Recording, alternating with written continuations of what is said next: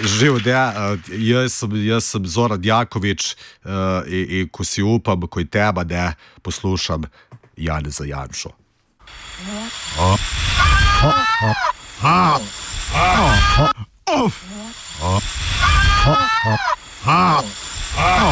Off komentar. Janez, karantenski Janša.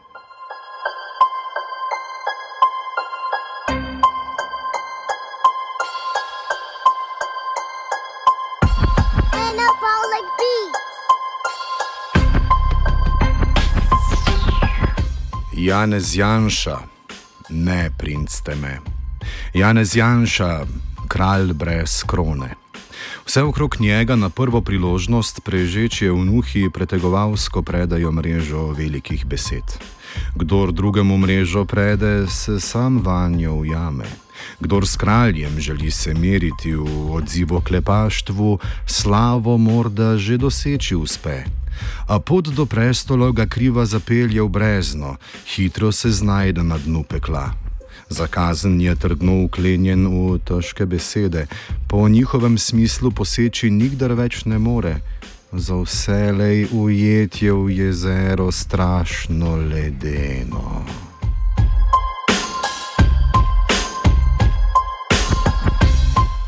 Janez Janša vrže kost.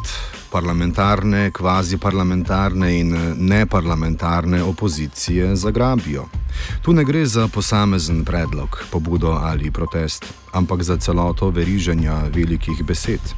Epidemični vsak dan za časa oživljanja kneževine karantenije, kar kliče po napihovanju.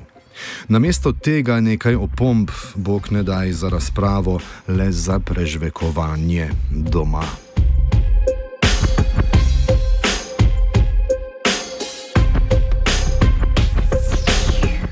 Veriga velikih besed je sestavljena približno tako: vladavina avtoritarna, njen nosilec diktator, njegova vlada totalitarna, njegova država policijska, državna ideologija i liberalna, ampak ustava demokratična.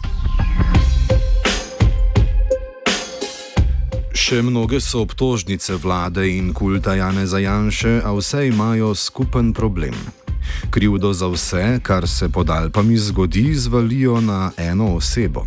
Seveda nočemo trditi, da je Janša brezmadežen, ima pa krivda Janše za vse, kar koga žuli podritjo, dve pomembni posledici. Prva je sila preprosta. Če je Janša kriv za vse slabo, slabo, to pomeni, pa naj se še tako trudijo zatrjevati drugače, da je zaslužen tudi za vse, kar je dobro in Janši oboje godi.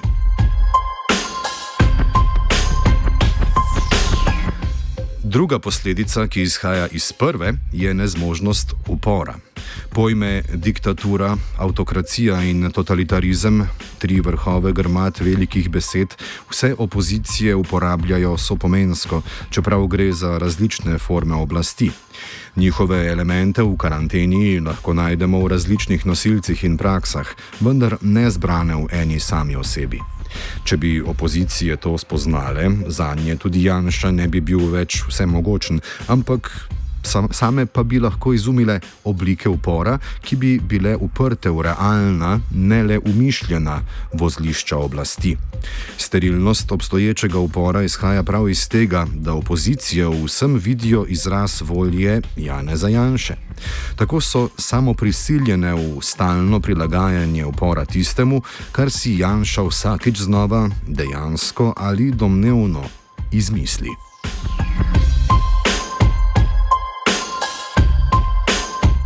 Med bolj treznimi ocenjevalci je pogosto izpostavljen očitek vladi, da v ukrepih slabo komunicira z javnostjo. Očitek ni brez teže.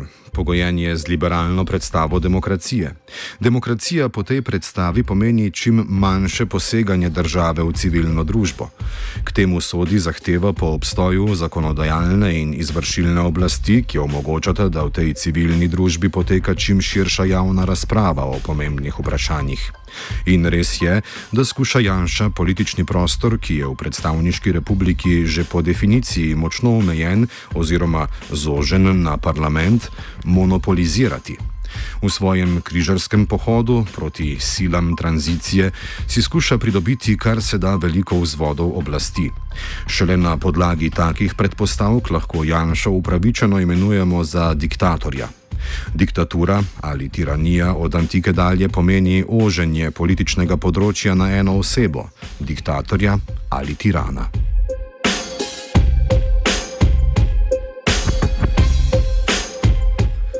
Ker diktator poleg zveste straže potrebuje tudi podporo ljudstva, ki bi ga lahko odstranilo, se zadovolji z monopolom v politiki.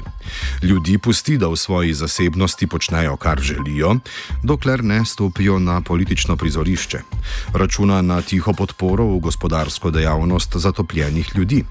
Ko Janša marljivo kadruje, ko skuša relativno uspešno diktirati javni diskurs in se spravlja na politično aktivno civilno družbo v obliki nevladnih, nevladnih organizacij, bi težko rekli, da ne ustreza osnovnim obrisom diktatorja.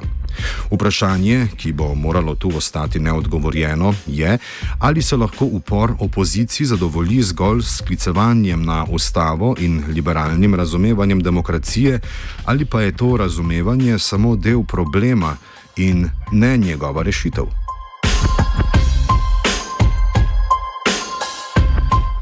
Težava nastane, ker je vlada v razmerah, v katerih nam grozi virus, začela posegati v vsakdanje življenje ljudi in jih več ne pusti pri miru, kakor bi ravnal običajen diktator. A tega vlada ne počne, ker bi šlo za nekakšen skrivni načrt Janša o podreditvi vsakega posameznika. Vlada to počne v imenu medicinske stroke in si od nje tudi, kolikor lahko, sposoja avtoriteto. Določeno mero avtoritete, če uporabimo izraz, ki ga Foucault ne bi, imata namreč danes le še vednost in oblast, ki jo ta proizvaja. Če bi Janša bil avtokrat, mu za poslušnost ljudi pri biopolitičnih ukrepih, ki kot je očitno treba ponavljati, merijo na celoto populacije in ne na posameznika, ne bi bilo treba uporabljati državne sile sankcije. Zdravnik je ne potrebuje, pa ga vseeno, vsaj večinoma, poslušamo in upoštevamo. Če bi Janša bil avtokrat, bi na glavi nosil krono, saj bi imel absolutno pravico legitimnega poseganja v zasebnost. Tako pa ostaja diktator brez krone in prav to najbolj od vsega ruši zaupanje ljudi v ukrepe, ki jih predlaga v imenu stroke. Ni kriva samo slaba komunikacija, saj odnos med vlado in družbo ni enosmeren. Še manj kot avtokrat je Janša totalitarec. Kar je v epidemiji totalno, je groza ob soočanju z možnostjo smrti, ki se upada z možnostjo okužbe z virusom. Ali je to soupadanje upravičeno, naj sodijo drugi. Če bi premijer imel avtoriteto, da bi grožnjo ljudem neposredno ucepljal v možgane, potem strah pred virusom ne bi obstajal tam, kjer Janše ni. Potem bi najbolj goreči antijanšisti bili na ta strah imuni pa niso.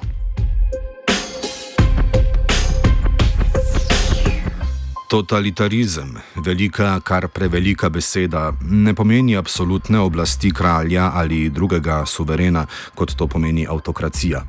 Diferencija specifika totalitarizma je popolna ukinitev razlike med javnostjo in zasebnostjo, če ta sploh še obstaja, ki se zgodi ob totalnosti grožnje za telo družbe. To, da je vsak človek na cesti, v trgovini, v bloku in celo v lastnem bivališču potencialno okužen in s tem sovražnik zdravega telesa družbe, je nastavek totalitarizma. Le nastavek, saj bi morala za dejanski totalitarizem biti celotna struktura oblasti organizirana okrog tega notranjega sovražnika družbe.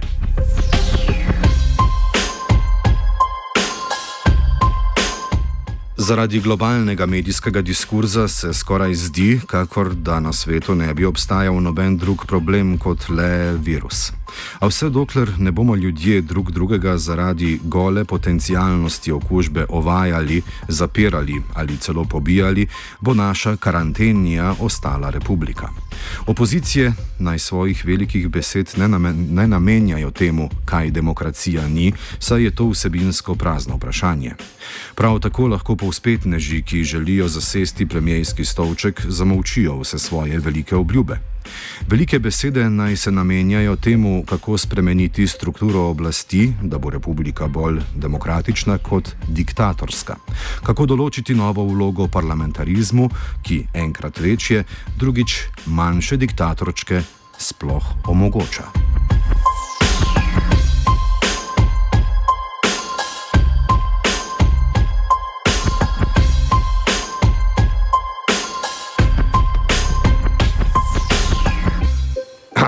Komentiral je Martin.